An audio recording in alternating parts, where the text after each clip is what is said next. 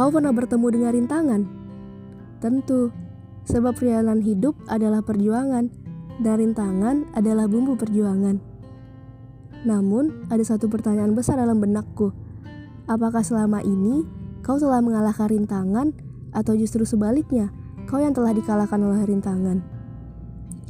Sebab belum apa-apa, kau sudah putus asa. Sebab belum melangkah, kau sudah menyerah. Sebab belum berpeluh, kau sudah mengeluh.